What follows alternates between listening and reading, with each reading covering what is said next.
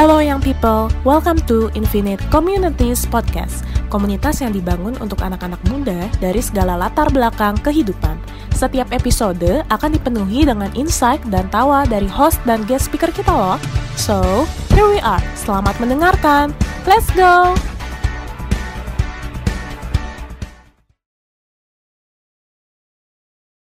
Dia memulai karirnya dari tahun 2015 di bulan April, betul ya kok ya? Tahun 2015 Ya. bulan April eh, mulai join di Prudential, lalu kemudian Oktober 2016 eh, Kosanto sudah mulai full timer di Pro gitu. Berarti sebelumnya masih kayak siapa ya kayak part timer gitu ya kayak sambilan ya istilahnya ya.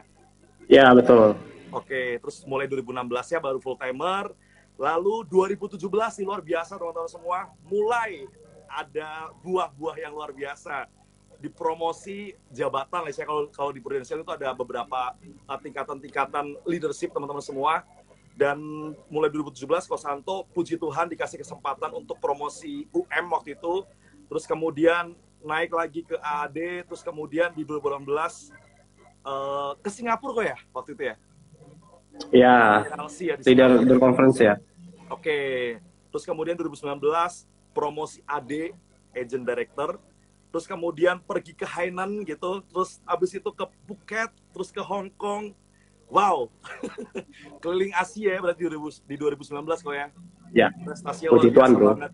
Terus ada juga eh, Recreator Club Vietnam, terus Pro Premier Hong Kong. Lalu ada eh, lalu dia juga sebagai qualifier di SC Leader Copenhagen juga di 2019 dan di tahun yang sama 2019 juga mempromosikan tiga AAD betul ya Pak? Yes. ya? di tahun tersebut. Artinya eh, teman-teman yang istilahnya apa ya tergabung dalam timnya Kosanto tiga orang dipromosikan sebagai AAD waktu itu. Artinya betul-betul Ya. Kosanto secara prestasi pekerjaan pun sangat luar biasa. Di kantornya dia berprestasi dan berpotensi luar biasa. Dan percaya bahwa pasti banyak orang-orang yang hari ini ditolong sama Kosanto lewat perencanaan keuangan yang Kosanto bikin buat eh, klien-kliennya gitu. Nah, Yes. Ko. malam ini kita bakal bahas tentang eh, satu tema namanya when eh, when you start earning, you start saving gitu. Artinya kalau kita mulai berpenghasilan atau punya uang, kita harus mulai untuk nabung gitu kan. Karena kebanyakan orang merasa bahwa kalau gua berpenghasilan ya gue bisa memakai uang yang gua punya untuk apa pun gitu. Terserah gua dong mau ngapain aja. Yang penting ya itu uang uang gua gue udah kerja payah untuk kali ini ya gue bisa lakuin apa aja. Tapi satu hal orang kadang lupa untuk nabung. Entah karena mungkin mereka merasa terlalu sedikit gajinya dan gak cukup untuk bulanannya sehingga nggak bisa nabung atau dia merasa gaji dia gaji dia terlalu besar sehingga kayaknya nggak perlu dulu nih buat nabung gitu. Nah, menurut Kosanto nih pertanyaan pertama, kira-kira kenapa sih kok kita mesti nabung atau yang kita berpenghasilan kenapa sih kita mesti harus nabung gitu? Yes. Thank you bro buat kesempatannya ya bro. Siap. Eh, selamat malam nih teman-teman Infinite Community ya. Salam kenal saya Susanto. Oke. eh, mungkin lebih akrab kita gue lu nggak apa-apa ya bro ya. It's okay, Karena masih milenial nih ya. Oke bro. Gua muda kok. nah, oke. Perkenalkan sedikit aja mengenai background teman-teman ya. 2000 eh, dari tahun 2006 sampai dengan tahun 2010 saya itu eh, sebagai karyawan teman-teman background saya. Oke. eh, setelah itu saya lahir dari keluarga yang biasa-biasa aja, teman-teman ya. Eh, bukan dari keluarga kaya ya. Di 2010 sampai 2000 terakhir sebelum join ke Prudential itu saya usaha teman-teman. Jadi saya juga pernah bergelut di bid- bidang usaha. Waktu itu main di eh, apa handphone, main di komputer juga teman-teman. Ya saya jual notebook, jual handphone dan sebagainya lah teman-teman. Ya singkat cerita nggak ada yang eh, awalnya baik-baik aja teman-teman ya. Saya merencanakan keuangan saya dengan sepengetahuan saya yang sangat sederhana. Ya sampai di titik ya saya baru sadar ternyata perencanaan keuangan itu penting teman-teman. Ya di satu titik ya saya mengalami kegagalan ya. Saya mungkin nggak perlu cerita terlalu detail ya bro ya. Tapi at least eh, teman-teman tahu background saya dulu nih bahwa saya pernah mengalami kegagalan dalam eh, sisi finansial teman-teman. Ya bukan berarti ketika kita me- mengalami kegagalan terus kita selesai teman-teman ya tenang teman-teman selalu ada jalan untuk kita kembali atau selalu ada jalan untuk kita uh, survive teman-teman. Jangan khawatir. Ya saya pun pernah di titik itu. Bahkan event nih boleh cerita sedikit aja ya. Mungkin teman-teman bisa nilai sendiri. Mak makan indomie satu hari satu bungkus itu saya pernah alamin loh teman-teman. Padahal sebelumnya baik-baik aja finansial. Ya balik lagi semua tergantung kondisi zaman. Berubahnya ekonomi berubahnya apa kita harus improvisasi. Kalau kita nggak bisa ikutin ya kita siap-siap aja. Nah teman-teman puji Tuhan puji syukur ya uh, seiring berjalannya waktu waktu saya menjalani bisnis di Prudential saya belajar mengenai uh, insurance consultant dan saya juga belajar mengenai financial planner ya. Bahkan saya ambil satu certified waktu itu di Universitas Indonesia. Saya uh, belajar teman-teman. Saya pengen tahu mengenai financial lebih dalam lagi teman-teman. Dan saya nemuin satu hal pola financial itu sebenarnya simple. Simpelnya adalah sebenarnya kita itu uh, ya tadi sesuai temanya ya teman-teman ya ketika kita mulai berpenghasilan ya sebaiknya kita mulai menabung teman-teman. Ya kita alokasikan sedikit dana kita ya untuk diinvestasikan. Ya investasi itu banyak cara teman-teman. Ya bukan seberapa besar penghasilan teman-teman tapi seberapa teman-teman pintar membudgeting supaya teman-teman bisa nabung. Ya dulu saya income 1,6 juta per bulan teman-teman. Saya bisa beli rumah. Teman-teman percaya nggak? Wow, 1,6 juta per bulan yes saya bisa beli rumah saya bisa cicil rumah karena saya tarik panjang usia saya masih muda. Usia saya baru 22 tahun apa 23 tahun. Saya bisa ambil ya dulu kan harga rumah juga kan masih belum terlalu mahal ya teman-teman ya. 100-200 juta udah dapat gitu ya pada saat itu. Dan saya uh, tarik panjang karena usia saya masih muda ya saya bisa tarik 15 tahun 20 tahun cicilan saya kecil. Dan gitu. ya. tapi, tapi bagaimana bisa kan? Heran kan 1,6 juta cicilannya aja waktu itu 1,5 juta saya masih ingat banget cicilan 1,5 juta saya cuma sisa 100 ribu per bulan bagaimana saya bisa bertahan teman-teman nah cara saya bertahan adalah ya tentunya karena saya di dunia sales, ya saya belajar di dunia sales, ya saya harus giat lebih banyak jualan teman-teman.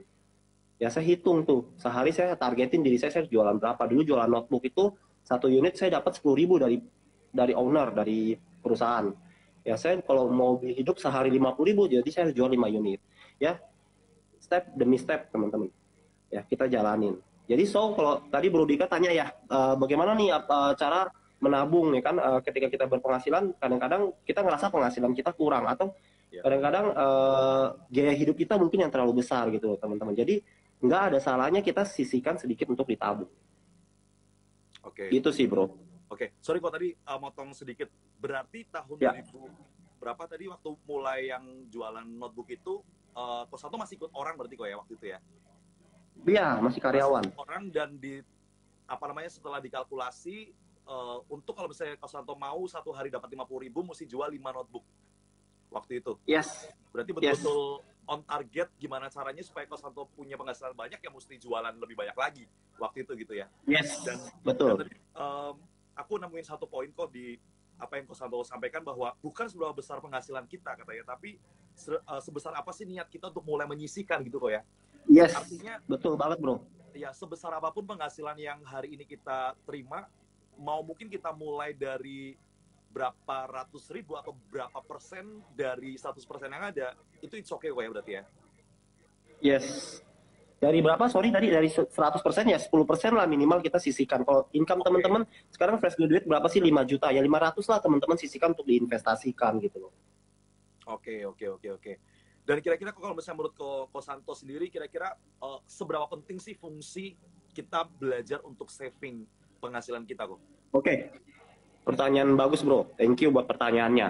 Ya. Teman-teman, sebelum saya bahas mengenai saving, ada piramid yang teman-teman harus tahu dulu mengenai perencanaan keuangan supaya nggak salah nih. Ya, nanti, oh Santo ngajarinnya uh, uh, nabung-nabung, uh, tapi sebenarnya nggak selalu tepat kalau cuma bicara nabung doang teman-teman. Tapi harus ada piramidnya. Ya saya boleh sharing sedikit mengenai piramidnya ya bro ya. Di mana piramidnya itu ada potensial financial security, ada potensial financial success teman-teman ya bicara potensial financial security ya kita gimana Poten, potensial potensial potensial ya? financial security oke okay. oke okay. nah di potensial financial security itu dibagi dua teman-teman ada defense defensive planning sama ada yang namanya offensive planning hmm. ya bicara defensive planning ya kita harus memproteksi dulu memproteksi dulu diri kita kenapa Karena baik lagi nih teman-teman, saya belajar dari pengalaman saya di 2015, eh sorry di 2011 pada saat itu saya lagi baru mulai usaha teman-teman. Saya baru mulai usaha ya. Eh, puji Tuhannya ya puji syukurnya saya waktu itu sudah ambil satu proteksi. Ya waktu walaupun kecil-kecilan cuma 500 ribu waktu itu saya ambilnya memang di Prudential. Ya saya waktu itu belum agent ya. Saya cerita ini apa adanya, saya nggak lebih-lebihin, saya nggak kurang-kurangin teman-teman. Saya ambil satu proteksi sampai di satu titik di 2011 saya kena usus buntu. Kena usus buntu pada saat itu ya biaya berobatnya aja kurang lebih 13 juta. Itu berapa tahun yang lalu ya 2011 ya, berarti 9 tahun yang lalu teman-teman. Betul. Ya, 13 juta loh. Operasi, setelah itu saya dibayarin sama asuransi. Nah, saya baru ngerti nih waktu saya belajar financial planning, ternyata proteksi itu yang kenapa di, di, di, di diagram paling dasar, paling bawah. Kenapa di piramid paling bawah? Ya, analoginya kayak teman-teman lihat orang bangun gedung. Ya, kalau bangun gedung itu sebelum gedungnya dibangun, yang dibangun apa dulu, bro? Fondasinya dulu ya. Yes, fondasinya. Tapi pada saat bangun fondasinya, waktu sudah mulai nanjak, mereka akan bangun namanya perlindungannya, betul ya? Proteknya kan, jaring-jaringnya supaya ketika si pekerja jatuh, dia nggak langsung jatuh ke bawah, betul ya? Nah, itu yang dibangun teman-teman ketika teman-teman lagi bangun sebuah gedung. Jadi analogikan teman-teman membangun sebuah financial teman-teman seperti teman-teman membangun sebuah gedung. Tapi sebelum gedung itu dibangun tinggi, ya teman-teman harus protek dulu. Gitu, jangan sampai resiko terjadi, ya gedung itu nggak akan terjadi juga, nggak akan terbentuk juga. Sampai sini jelas ya? Yaitu analogi sebuah gedung, teman-teman.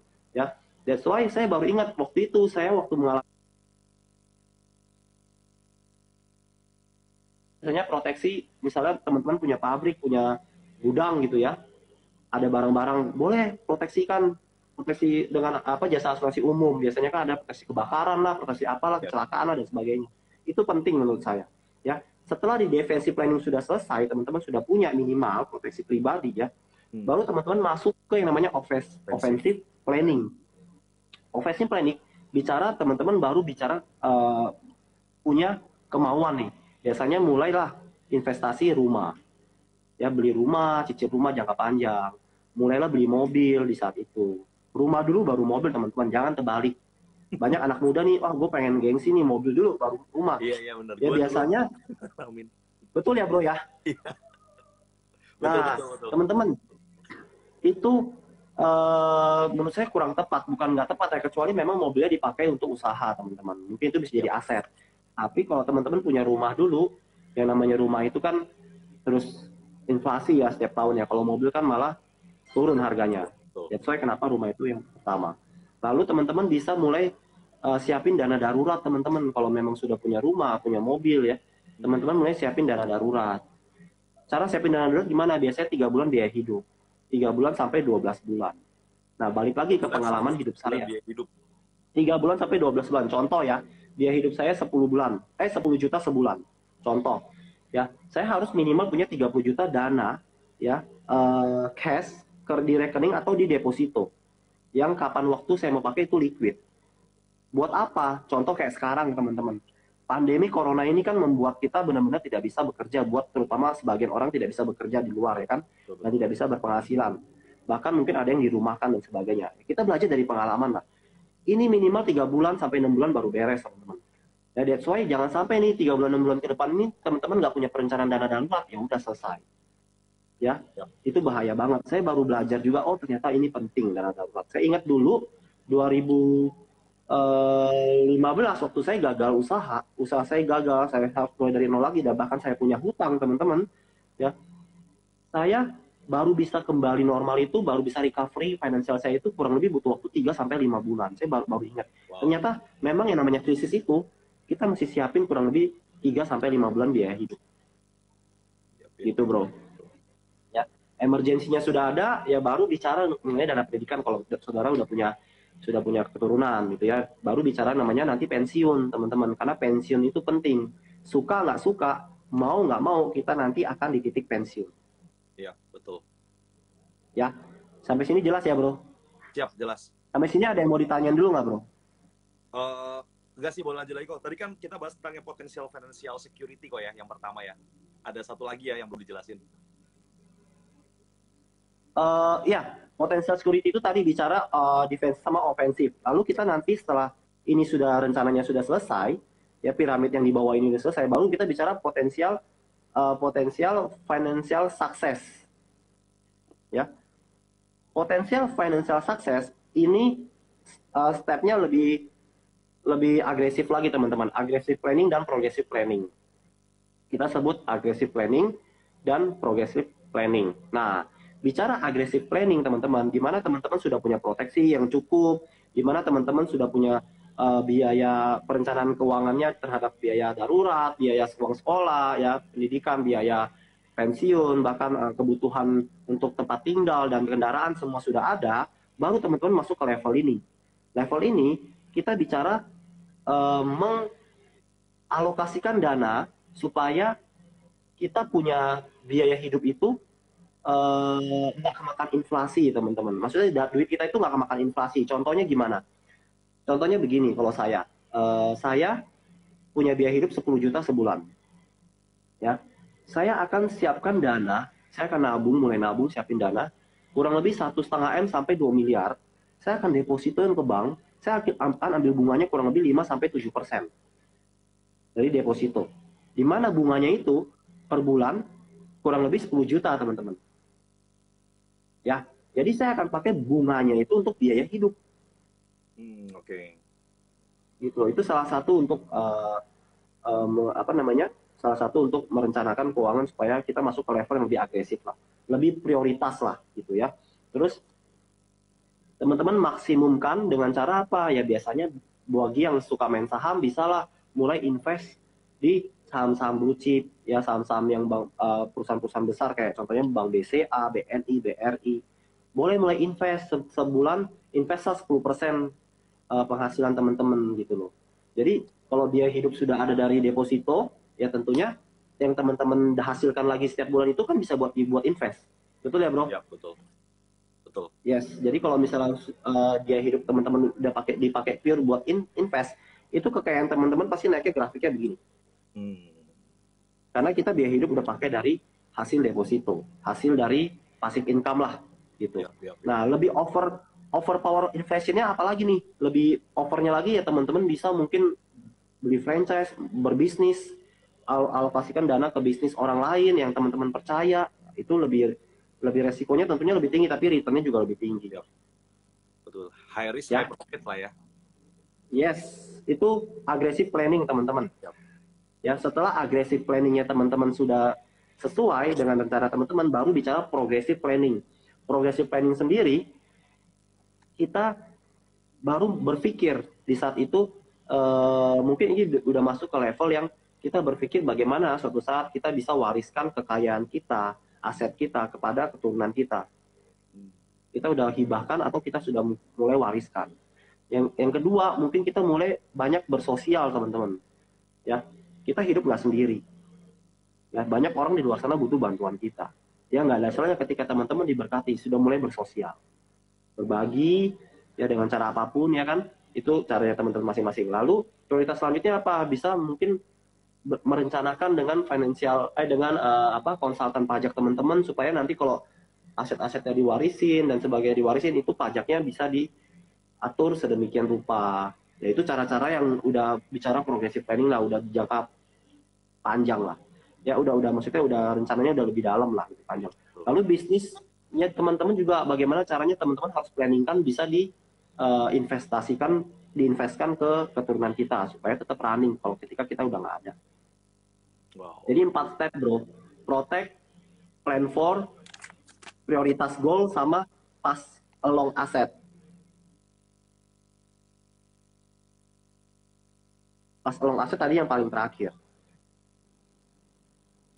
Wow, keren banget kok. Nah tadi kan uh, Kosanto sempat uh, sedikit menyinggung juga tentang investasi kok ya. Nah menurut Kosanto sendiri menabung itu sama dengan investasi atau enggak sih kok? Mungkin ada teman-teman yang baru banget mendengar tentang kata-kata investasi atau kata-kata menabung gitu. Dan mereka mungkin kepengen tahu kira-kira kalau misalnya gue nabung apakah sama dengan gue investasi atau kalau gue mau investasi gue mesti ke satu wadah yang mungkin lebih apa ya lebih beda dibandingkan dengan nabung. Kalau nabung kan mungkin kita mindsetnya oh ya nabung di bank gitu. Kalau invest mungkin tempat lain. Nah kira-kira menurut Koko ada perbedaannya nggak? Oke, uh, teman-teman, menabung itu termasuk teman-teman berinvestasi sudah pasti. Cuman bagaimana cara teman-teman menabung masing-masing kan beda planningnya, ya. ya. Tapi kalau seperti balik lagi ke tema awal ya, di saat teman-teman mulai berpenghasilan, ya teman-teman udah mulai boleh menabung. Ya menabung itu banyak cara.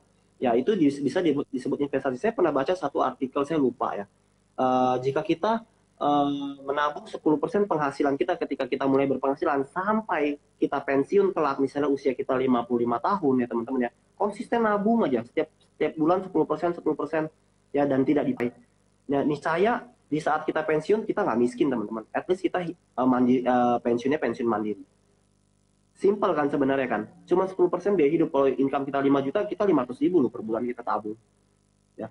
Kalau income kita itu pun kalau income teman-teman nggak naik gitu. Eh, maksudnya sorry, itu pun kalau teman-teman uh, cuma 10% nabungnya.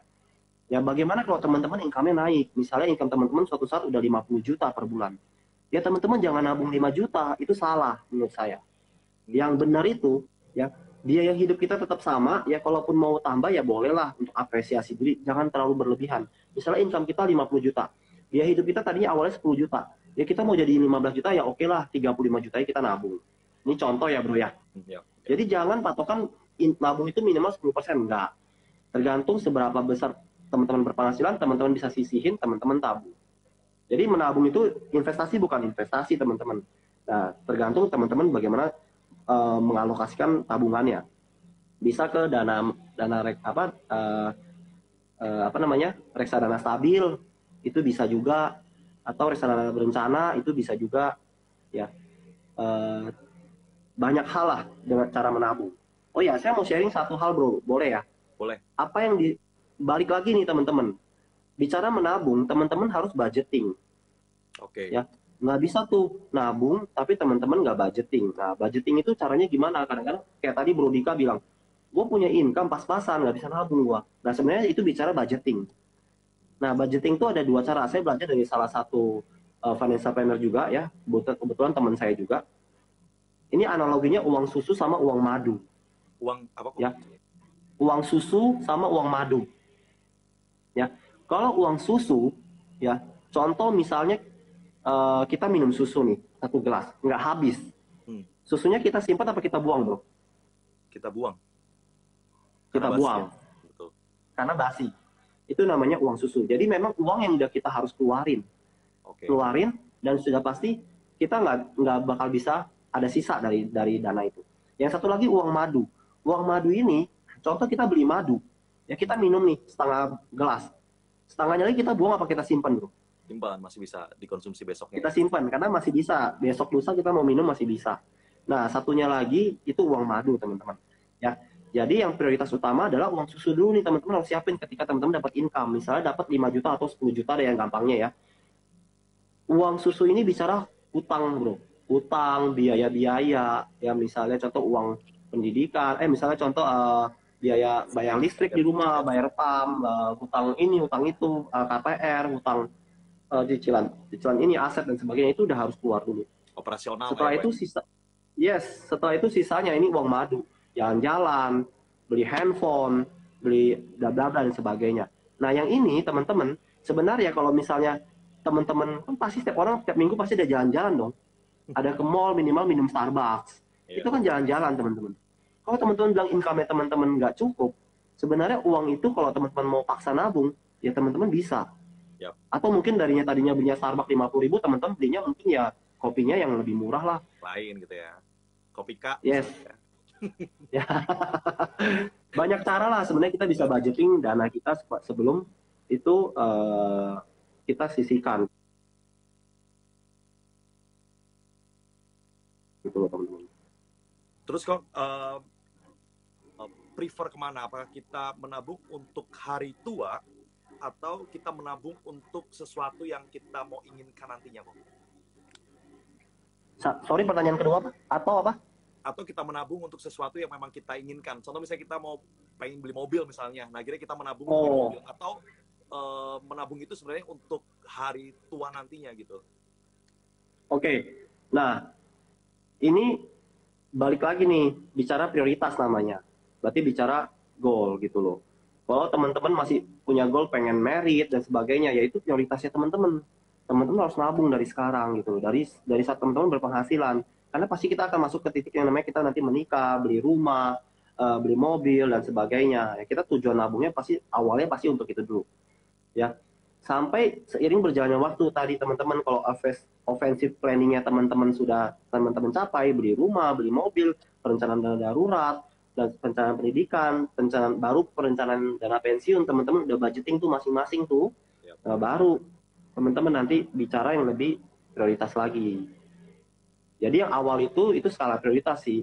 Kalau ditanya nabung untuk apa, ya pastinya untuk kebutuhan nanti di kemudian hari pasti ada kayak misalnya menikah di rumah dan sebagainya sih itu yang awal dulu menurut saya oke oke terus uh, balik lagi kok soal dana darurat gitu ya kok ya otomatis kan uh, dana darurat ini kan banyak siapa ya banyak cara untuk kita bisa menyisikan uh, uang kita ya yang kita hasilkan nih untuk satu siapa ya satu resiko ke depannya gitu kok Nah, menurut Koko, uh, kalau kita mau menyisikan uang sebagai dana darurat, itu bagusnya kayak apa tuh, Kok? Atau ke mana? Oke. Okay. Alokasikannya ke mana ya maksudnya? Iya, betul.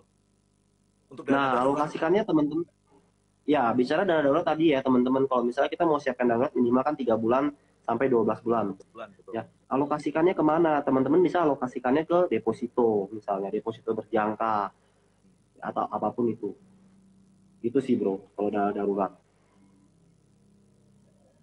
oke uh, by the way buat teman-teman yang lagi dengerin kalau memang lagi, apa namanya teman-teman butuh sesuatu pencerahan atau ada pertanyaan-pertanyaan bisa juga mulai diajukan dari sekarang karena nanti kita bakal ada sesi Q&A kita akan sama-sama coba jawab pertanyaan teman-teman yang yang sudah tertulis di kolom komentar gitu. Supaya nanti setelah selesai dari live apa talk show ini teman-teman bisa dapetin sesuatu yang luar biasa banget gitu. Nah, kalau tadi uh, Koko sempat bahas sesuatu yang menarik banget tentang tentang piramida gitu. Karena banyak banget orang-orang yang sampai hari ini mereka bahkan nggak ngerti nih ya istilahnya tujuan hidup mereka ke depan itu seperti apa? Yang penting ya hari ini gue bisa makan gue bersyukur kalau besok gue bisa makan ya udah gitu aja. Akhirnya hidup mereka kayak stuck gitu aja gitu loh kok. Nah kira-kira Kosanto ada nggak sih saran buat mungkin teman-teman yang hari lagi ngedengerin kita ngobrol nih supaya uh, hidup teman-teman nggak gitu-gitu aja? Mungkin sedikit di luar dari konteks it's okay nggak apa-apa. Supaya mungkin teman-teman di rumah termotivasi oh ya gue mesti ngasilin sesuatu yang luar biasa nih tapi caranya gue masih belum tahu eh hari ini kita bahas sesuatu eh mereka dapat sesuatu gitu nah menurut Kosanto sendiri ada nggak kira-kira kayak saran-saran buat kita untuk kita nggak jadi gitu-gitu okay. aja dalam hidup kita. Uh, jadi lebih ke ini ya bro ya, uh, mungkin buat mereka-mereka yang fresh graduate ya baru berpenghasilan tapi. Yes, uh, saya belajar dari pengalaman saya sih teman-teman. Saya belajar dari pengalaman saya. Saya ini kita harus punya goal teman-teman. Kita harus punya goal yang jelas dalam hidup ini ya contoh contoh ya biasanya kalau teman-teman mau lebih ini lagi lebih merasakan bahwa apa yang teman-teman kerjakan hari ini tuh nggak sia-sia nggak hilang begitu aja ya teman-teman harus punya goal 12 bulan ke depan ya kalau saya gampangnya begini 12 bulan ke depan misalnya ya saya mau punya tabungan 100 juta misalnya ya bro ya hmm. pengen dong punya satu tabungan yang selama ini belum pernah nih misalnya contoh belum pernah nih tabungan 100 juta dari hasil yang gue kerjain sendiri. Ya, startlah dari situ teman-teman. 100 juta itu teman-teman breakdown bagi menjadi 12 misalnya. Atau jangan terlalu besar deh, misalnya yang buat yang baru kerja, baru income 5 juta, ya pengenlah di akhir tahun nanti peganglah satu dana misalnya 20 juta, 30 hmm. juta, teman-teman breakdown. Ya, nanti ketika di masuk ke bulan ke-12, teman-teman hitung, oh ternyata teman capai itu. Itu bagus banget, pasti teman-teman happy banget. Boleh teman-teman, teman-teman capai gitu lalu nanti ditingkatkan lagi tahun depan. Ya, itu cara paling simpel sih. Makanya harus ada goal yang jelas tujuannya apa dulu uang itu. Kalau saya sendiri ya kebetulan memang saya kan dulu kan suka usaha teman-teman. Saya suka berbisnis. Ya, saya pengen punya toko. Saya pengen punya kios.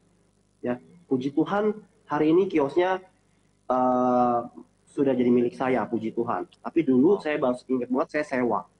Ya. Nah, karena saya masih muda pada saat itu umur saya baru 26 tahun, 25 tahun ya. Saya nggak punya goal yang jelas, dapat income sebulan 30-50 juta saya habis gitu aja. Tapi waktu saya punya goal, ya oh ternyata ini kios seksi juga ya kalau seandainya jadi milik hak milik gua, ya. terus gua nggak perlu bayar sewa lagi, itu kan seksi bro buat gua ya. ya. Kayaknya bangga aja gitu loh, gue bisa beli kios gitu. Ya saya lakuin teman-teman. Ya saya coba tanya harga kiosnya berapa. Harga kiosnya misalnya 100 juta. Ya saya planningin 12 bulan ke depan bisa nggak? Percaya saya teman-teman kalau teman-teman nggak capai dalam 12 bulan at least ya setengahnya teman-teman capai. Kalau teman-teman kerjain. Teman rencanain. Nanti tinggal setengahnya lagi itu percaya pasti berkat ada aja.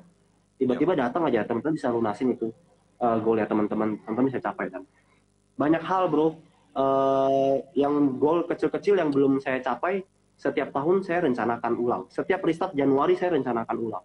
Oh. Bawa orang tua jalan-jalan misalnya. Atau apresiasi bawa keluarga jalan-jalan, istri, anak jalan-jalan. Hmm. Atau pengen beli handphone mahal. Ya, tapi balik lagi kalau pengen beli handphone, pengen beli uh, ganti mobil dan sebagainya, itu saya masuk ke prioritas yang kedua. Sekian, saya ya. lebih prioritas utamanya itu ke yang lebih tadi itu teman-teman siapin dana darurat dan sebagainya. Menurut saya itu penting. Berarti hal yang paling utama kita mesti punya planning kok ya.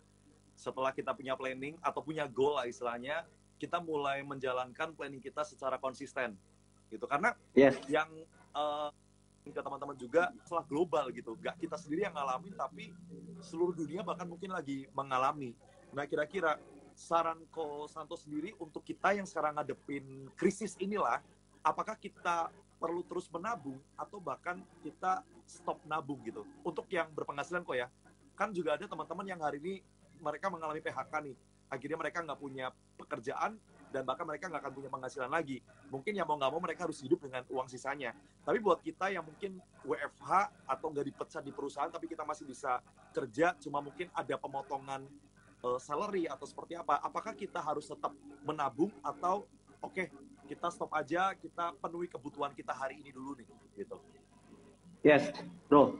Uh, simple sih. Intinya, buat yang masih berpenghasilan ya, tentunya dengan work from home ini kan sebenarnya kan biaya kita juga kan pasti banyak yang uh, lebih sedikit keluar gitu loh. Contohnya apa? Biasanya mungkin ada biaya bensin, ada biaya uh, apa namanya tol dan sebagainya itu kan kita bisa sisihin. Ya udah stay nabung aja, tetap fokus nabung aja bahkan kita bisa nabung lebih gitu loh. Nah, uh, apa namanya? Buat yang teman-teman yang mungkin saat ini mengalami kendala, nggak bisa nabung dan sebagainya ya, ya tentunya kita tetap harus ikutin aturan pemerintah kan. Kita nggak bisa uh, gara-gara uh, kita pengen cari uang, kita keluar, kita ambil resiko dan sebagainya, tapi kan juga resiko buat orang lain juga, betul ya. Nah, ya, betul. Sabar aja sih kalau menurut saya sih. Ya karena memang hari ini kita ketemu, kita sharing ya teman-teman udah tahu sebenarnya. Suatu saat kita nggak pernah tahu pandemi ini kapan bisa terjadi lagi, kita nggak pernah tahu. Nggak usah bicara krisis karena sakit. Krisis karena ekonomi kan juga bisa terjadi bro.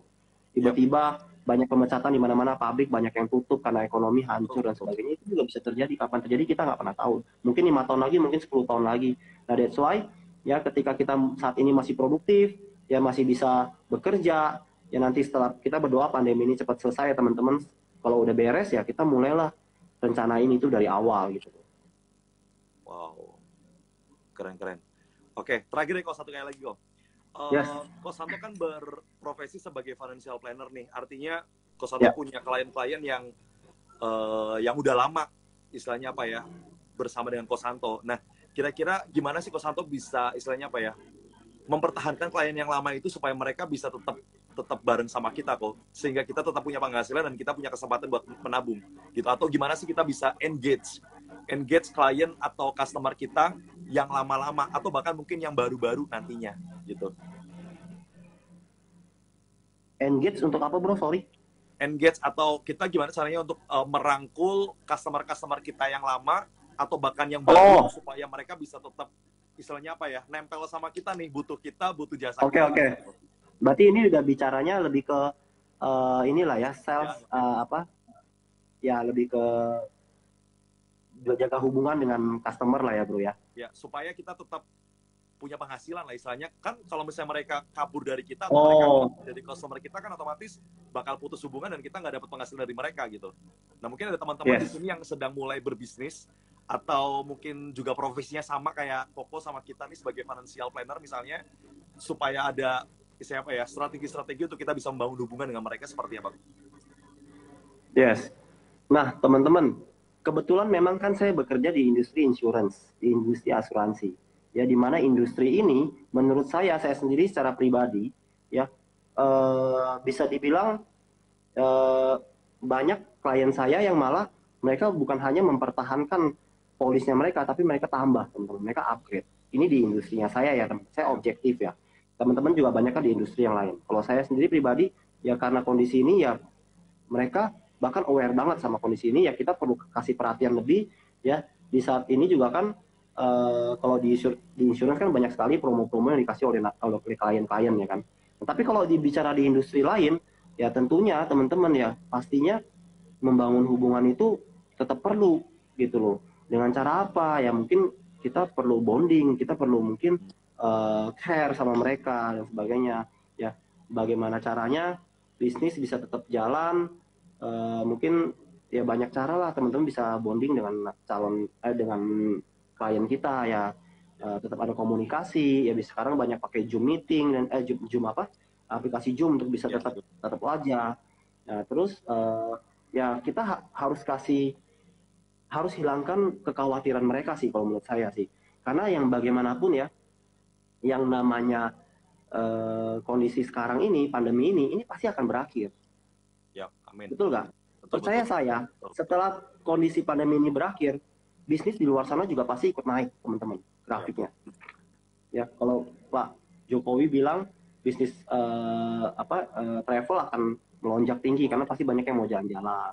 Mungkin bisnis uh, apa yang jualan dan sebagainya ada tas ada apa mereka juga merasakan penjualan yang luar biasa ya udah mulai bisa shopping lagi dan sebagainya jadi don't worry teman-teman saat ini ya stay aja bertahan karena memang saat ini ya kita cuma bisa lakukan itu gitu loh. Kita bertahan tapi kita juga mungkin berpikir cara baru untuk mendapatkan ide-ide baru. Ya. Saya dapat satu quote bagus banget loh tadi pagi. Ya kalau di saat kondisi kayak begini ya kita tidak bisa uh, setelah selesai kondisi ini tapi kita tidak dapat skill baru, kita nggak dapat uh, sampingan baru, job baru misalnya atau kita nggak dapat pengetahuan baru ya berarti sebenarnya kita bukan kekurangan waktu selama ini. Hmm, betul betul. Paham ya bro? Mungkin selama ini kita bukan kekurangan waktu tapi kita, kita cuma memang malas malas aja gitu betul betul. Ya itu kenal banget buat saya sih. Saya jadi mikir ya juga ya di saat kondisi kayak gini justru kita harus lebih agresif lagi berpikir bagaimana caranya kita menciptakan uh, income gitu loh yep. banyak cara lah kalau teman-teman mau cari ya banyak peluang yang teman-teman bisa pakai bisa mendapatkan income ya, ya. yang penting mau berpikir aja sih bro mau mau kerjain juga jadi bukan kita fokus sama masalah pandemiknya, tapi kita cari solusi untuk ke depannya gitu. Yes. Karena karena memang kayak gua rasa sendiri juga bahwa ini tuh masa-masa yang tepat banget untuk kita memikirkan strategi gitu, bukan kita mikirin masalahnya gimana cara selesainya bukan, tapi untuk ke depannya gitu, seperti apa atau apa yang bisa kita kerjakan gitu. Bahkan gue pun yeah. merasa gini sih kalau sedikit sharing bahwa selama masa liburan ini bukan liburan ya sorry masa kita di rumah nih ya kan biasanya kan kita mesti ngantor gitu kan setiap hari dari jam 7 sampai jam 5 mungkin atau bahkan lebih malam dari itu tapi hari ini kita sudah hampir satu bulan lebih kita di rumah terus gitu dan ternyata banyak ya. hal yang malah bikin gua sibuk gitu loh karena otak kayak nggak bisa diem gitu loh pasti ada aja dipikirin selain ada, ada yang dipikirin ada aja mau dikerjain gitu loh kayak nggak berhenti berhenti gitu loh jadi kalau mungkin orang bilang bahwa WFH banyak orang yang nggak produktif atau WFH banyak orang yang akhirnya suka tidur tiduran aja, mungkin uh, salah salah strategi lah bagi mereka ya kok ya. Karena betul. Karena banyak banget yang kita bisa kerjain sebenarnya. Gitu. Yes, bener banget bro. Itu. Nah, uh, pesantren ada beberapa teman-teman yang udah mulai nulis pertanyaan nih kok. Ya. Aku bacain pertanyaan nanti kok kok jawab ya kok ya. Boleh. Oh, bentar, bentar. Oke, ada satu pertanyaan seperti ini dia bertanya. Bagaimana cara mengontrol kinerja dalam berbisnis gitu? Mungkin ini uh, teknis kok ya, kan mungkin kok kan dalam tanda kutip punya bisnis sebagai uh, financial planner gitu. Nah, gimana sih uh, Kosanto sendiri mengontrol kinerja Kosanto dalam berbisnis gitu? Ada nggak alat ukurnya untuk mengontrol kinerja kita? Mengontrol kinerja dalam berbisnis ya. Yep. Yang paling penting sih saat ini ya teman-teman ya, apa pun yang ada di depan mata, saya kerjakan teman-teman, saya lakukan. Ya, uh, contoh simpelnya adalah ya tentunya banyak sekali informasi-informasi penting yang kita perlu sampaikan ke klien kita. Kalau saya ya, saya akan sampaikan, saya akan hubungi satu-satu, saya akan sampaikan dulu dan kita beri perhatian kepada mereka gitu loh. Ya, setiap hari teman-teman harus aktivitas menurut saya. Ya, jangan mentang-mentang di rumah, kadang-kadang kena AC dikit, bawaannya pengen tidur kan biasa begitu ya bro yang maklum. Saya juga saya juga ngalamin gitu loh. So solusinya apa? Teman-teman harus ada yang namanya to-do list setiap hari. Untuk kontrol pekerjaan itu to-do listnya harus ada. Hari yes. ini gue mau kerjain apa? Apa aja yang harus gue selesain? Oh gue mau hubungin si dia nih. Gue mau bicara mengenai ini, bla bla bla. Itu to-do list itu harus ada teman-teman. Yep, yep. Paling itu sih bro cara saya untuk kontrol uh, kinerja saya setiap hari gitu. To-do list itu harus ada. Oke. Okay.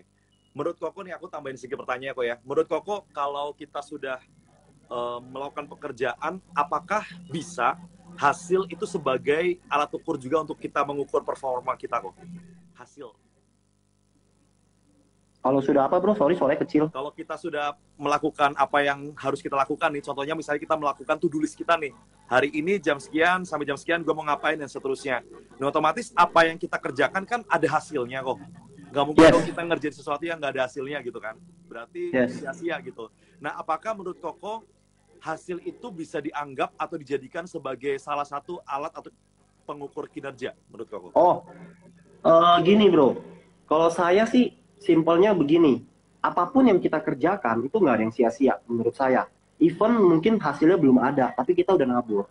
Okay. Ya, contoh uh, nabur kebaikan, nabur perhatian, nabur uh, apa pun itu itu kita udah nabur ke calon uh, ke klien kita atau sebagainya. Jadi yep. saat ini ya tolak ukur hasil itu menurut saya hasil itu nggak bisa instan kalau saat sekarang kalau menurut saya. Kalaupun bisa instan itu bonus buat kita ya tapi yang perlu kita lakukan ya kita lakukan aja tuh tulis kita gitu loh. Misalnya buat yang dagang ya kan. Oh gue mesti karena mumpung sekarang lagi di rumah ya udah boleh mulailah. Ya mungkin uh, mikirin nih uh, apa namanya stok barang. Ya nanti kira-kira barang yang laku apa mungkin udah mulai mikirin nih uh, apa namanya oh gue mau dagang coba dagang online ya tadinya nggak pernah dagang online dan mungkin dagang online. Yep. gitu oh bisa nih gue coba nih di saat kayak gini gue bisa dagang online dan sebagainya. Atau uh, to-do listnya itu ada. Setiap hari yang dikerjain apa itu ada gitu. Jadi nanti hasil itu belakangan nggak apa-apa. Kalau belum ada hasilnya lakuin aja teman-teman. Tulus aja lakuin pasti nanti hasilnya ada. Menurut saya sih gitu bro. Iya iya iya karena kan ada orang-orang yang mungkin kayak result oriented gitu ya kok ya. Kayak berorientasi kepada hasil nih. Kalau gue belum menghasilkan berarti gue nggak kerja gitu. Artinya dalam hal ini kita memberikan pengharapan buat teman-teman juga yang mungkin hari ini sudah bersusah payah melakukan sesuatu tapi benar-benar yang baik yang teman-teman kerjakan tapi mungkin masih belum menghasilkan sesuatu it means jangan kita kemudian jadi kecil hati ya kok ya. Karena memang yes. uh, karena memang hasil itu pasti akan ada cuma tinggal tunggu waktunya aja mungkin gitu ya. Kalau hari ini kita sudah melakukan banyak hal tapi belum ada hasilnya ya kita tunggu aja kita terus melakukan melakukan melakukan gitu kok ya. Take action lah. Betul. Betul, betul. konsisten aja sih bro. Oke. Okay. sip ini ada pertanyaan lagi kok. Pertanyaannya adalah bagaimana sih kita menghadapi karyawan atau anak buah atau tim kita nih kok yang bekerja semaunya sendiri dalam bisnis kita gitu. Menghadapi di saat sekarang maksudnya ya? Kenapa? Di saat sekarang atau uh, dia nggak spesifik sih, mungkin ya Oke okay, oke. Okay. Bisa sekarang atau umum. Ini sih sebenarnya teknis dalam hal berbisnis ya. Bisa berarti ini saya harus flashback dulu waktu saya waktu saya di dunia usaha. Ya. Okay uh, karyawan itu memang kita ini pertanyaannya lebih ke masalah bisnis sih bro sebenarnya cara meng, apa memanage karyawan sih sebenarnya ya. Atau memanage tapi intinya sih tim timnya Koko sendiri gimana kok? Kan kalau kan tim ya kalau tim begini oke. Okay. kalau tim sendiri sih ya yang terpenting adalah ya puji Tuhannya ya teman-teman kita harus jadi contoh. Saya sebagai leader saya harus jadi contoh dulu. Kalau saya jadi contoh saya bisa saya percaya tim saya juga bisa ya kalau saya ngelakuin sesuatu saya percaya tim saya juga pasti akan ikut ngelakuin. Yang penting saya jadi contoh dulu. Ya jadi contoh yang positif. Kita nggak perlu uh, kalau di sisi saya sih ya sebagai leader ya karena bicara sebagai leader kita nggak bisa maksa seseorang untuk ngelakuin sesuatu seperti keinginan kita sendiri gitu. Belum tentu dia mau jalanin. Tapi kalau kita jadi contoh saya percaya kita akan mungkin menginspirasi dia dan mungkin dia akan bertanya kok lu bisa? Kenapa gue nggak bisa? Ya udah ayo kita sama-sama belajar gitu ya tapi kalau di mungkin kalau di dunia bisnis konvensional ya ya balik lagi teman-teman uh, kita mungkin harus juga jadi contoh buat karyawan kita. Ya mungkin kadang-kadang ya namanya buka usaha, eh, kita harus start kerja juga pagi supaya kalian kita juga merasa bahwa oh ternyata bos gue juga rajin loh gitu. Mungkin cara itu cara-cara untuk mengontrol karyawan lah ya. Kalau konvensional mungkin saya mesti belajar sama pengusaha-pengusaha bro. oh, oke oke oke. Sip sip. Tapi dapat berarti uh, otomatis yang paling pertama adalah kita mesti jadi teladan dulu kok ya yes. apa yang kita lakukan mereka lihat dulu terus sampai yeah. akhirnya mungkin kalau kita sudah melakukan dan mereka lihat gantian nih someday mereka melakukan kita lihat mereka sambil kita bantu mereka kita kasih support buat mereka sampai akhirnya mereka bisa melakukan sendiri dan mereka bisa ngasih contoh buat timnya yang lain gitu ya Betul. dan yang paling utama Oke, berarti buat uh, teman-teman yang tadi tanya, kira-kira gimana sih caranya kita bisa memaintain tim adalah dengan cara kita sebagai pemimpin mesti jadi teladan dulu buat teman-temannya. Terus ada lagi nih kok. Nah ini mungkin tadi sebenarnya udah dibahas, tapi uh, mungkin sedikit kelewat sama yang tanya. Nanti mungkin kok bisa jelasin lagi. Kok gimana sih caranya supaya kita bisa strict atau tegas gitu ya sama goal, goal kita dalam dalam menabung kali ya ini pertanyaannya. Gimana caranya kita oh, bisa ya, itu kan. dalam menabung? Ya, itu balik lagi uh, apa namanya? Go why-nya itu harus jelas yang tadi itu. Why-nya itu harus jelas. Kalau kita jelas kita nabung tujuannya untuk apa, ya pasti nggak akan kita lewat sih. Pasti kita akan fokus terus gitu. Intinya why-nya harus jelas sih supaya kita strict. Dan kalau memang mau mau apa namanya mau mencapai goal kita dari sisi menabung ya tentunya kita harus ambil satu perencanaan tabungan yang berjangka gitu loh. Itu itu cara paling simpel menurut saya bro ya. Karena kadang kan kalau kita cuma nabungnya investnya cuma ke rekening tok gitu dong oh gue sisin bulan ini satu juta lah bulan depan nanti gue sisin sejuta. Eh ngeliat jam bagus kita beli. Iya iya iya banyak terjadi kayak gitu kan ya. Paling kita harus harus ambil tabungan berjangka. Yang biasa banyak yang ada yang setahun dan sebagainya. Itu sih bro Oke, berarti ini juga saya lagi menjawab pertanyaan dari dari Ko Erwin dia tanya Ko Santo gimana caranya nabung di kondisi pandemi? Apa instrumen yang paling tepat? Berarti tabungan berjangka ya atau mungkin deposito berjangka yang satu tahun atau dua tahun atau tiga tahun gitu kok ya? Itu yang mungkin oh, sedikit okay. cocok atau ada jawaban lain kira-kira?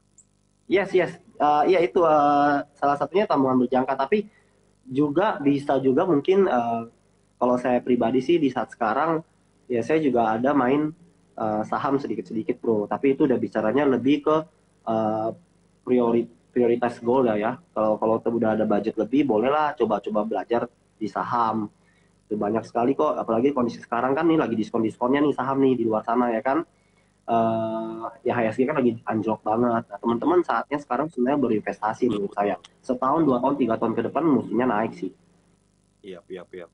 Dan emang kalau kita di saham kok ya uh, mungkin sedikit informasi buat teman-teman juga kalau kita nabung di saham mungkin kita nggak mungkin bisa seenaknya ngambil atau narik return kita yes. begitu cepatnya gitu ya artinya butuh waktu yang lebih panjang dibandingkan dengan kita menabung mungkin di tabungan deposito misalnya karena kan kalau tabungan deposito mungkin uh, range waktunya lebih pendek ada yang tiga bulanan enam bulanan satu tahun gitu tapi yeah. Ya. uh, apa pun yang mungkin teman-teman uh, mau coba untuk atau instrumen apa pun yang teman-teman mau coba masuki untuk menabung, itu oke. Okay. Yang penting tahu prioritasnya kok ya berarti ya.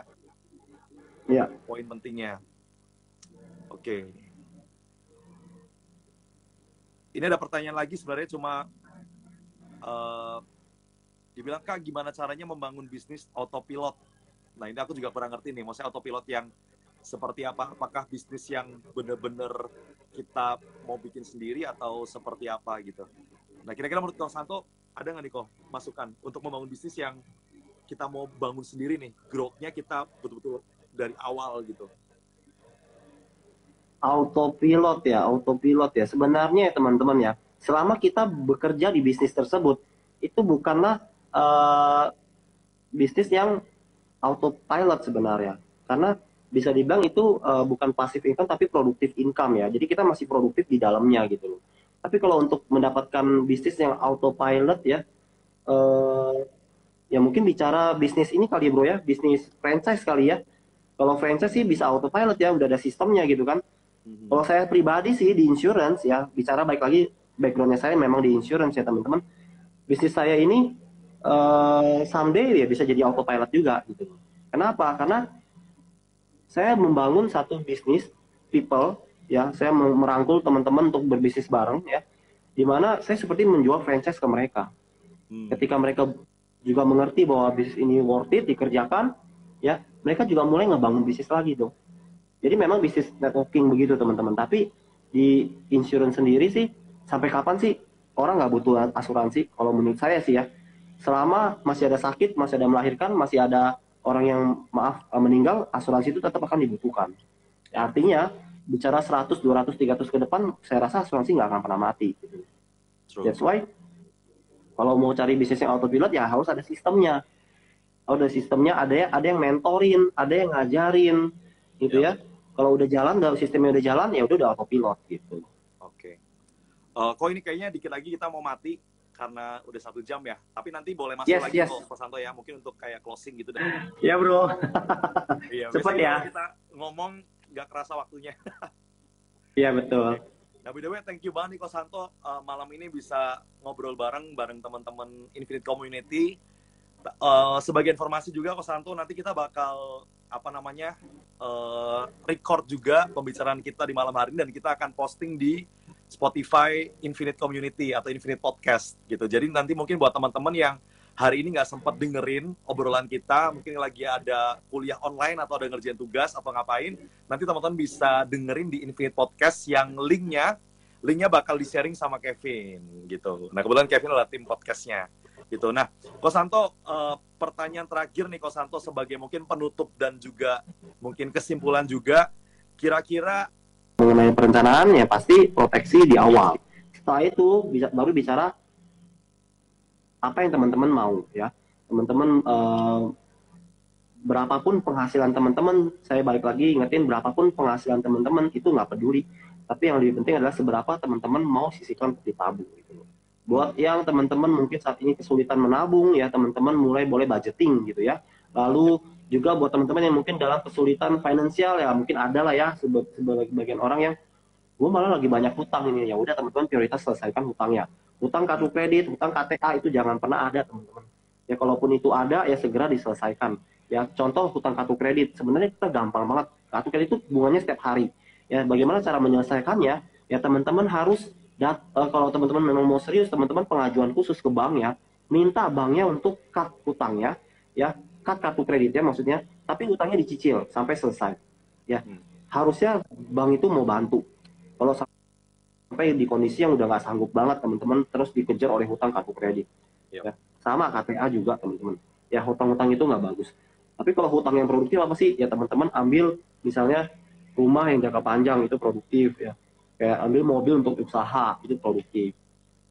Itu aja sih saran dari saya teman-teman ya mudah-mudahan uh, ngebantu yang someday kalau teman-teman pengen tanya jawab boleh uh, kita ngobrol lebih lanjut ya mungkin bisa ke IG saya atau mungkin juga bisa ke Prodika ya. Kita bisa komunikasi lagi ngobrol lagi di di wadah ini teman-teman. Thank you ya teman-teman. Sukses buat kita semua. Amin, amin, amin. Oke, sekali lagi thank you buat Kos Antoni udah kasih penjelasan yang luar biasa, uh, detail banget, dan aku sendiri juga udah nyatet dan banyak banget yang aku dapetin di malam hari ini. luar biasa banget, oke dan semoga juga teman-teman yang dengerin uh, bisa dapetin sesuatu yang berguna khususnya buat teman-teman yang mau belajar menabung. Dari sekarang kita mulai start menabung seberapapun yang uh, teman-teman mau tabung yang penting ada niat kita untuk mulai menyisikan dari penghasilan kita gitu. Terus juga buat teman-teman yang kepengen sharing-sharing sama Kosanto atau ada pertanyaan-pertanyaan nanti abis ini uh, gue bakal kasih uh, link IG-nya Kosanto juga. Kalau mungkin teman-teman mau follow terus mau kenalan lebih dekat lagi dalam tanda kutip untuk tanya-tanya tentang financial planner buat teman-teman sendiri nanti silakan gitu. Oke. Okay? Dan akhir kata Kosanto sekali lagi thank you banget nih di malam hari ini. Thank you sama-sama bro. Sama kita. Dan juga pengumuman buat teman-teman besok masih ada lagi diingetin sama Kevin. Besok kita bakal bahas tentang kreatif uh, bareng sama Michael Stefanus namanya. Nanti hostnya ada Kevin dan tentunya bakal memberkati juga. Kita mau belajar gimana kita bikin desain-desain yang yang luar biasa menarik, ilmu-ilmunya dan seterusnya gitu. So selagi kita masih bisa belajar, kita bakal belajar banyak hal dan Infinite menyediakan fasilitas itu buat teman-teman semua. Oke, siap Kosanto. Terima kasih banyak sekali lagi. Sampai ketemu, sukses Bye, bro. Kosanto ya. Yo, sama-sama ya. Bye.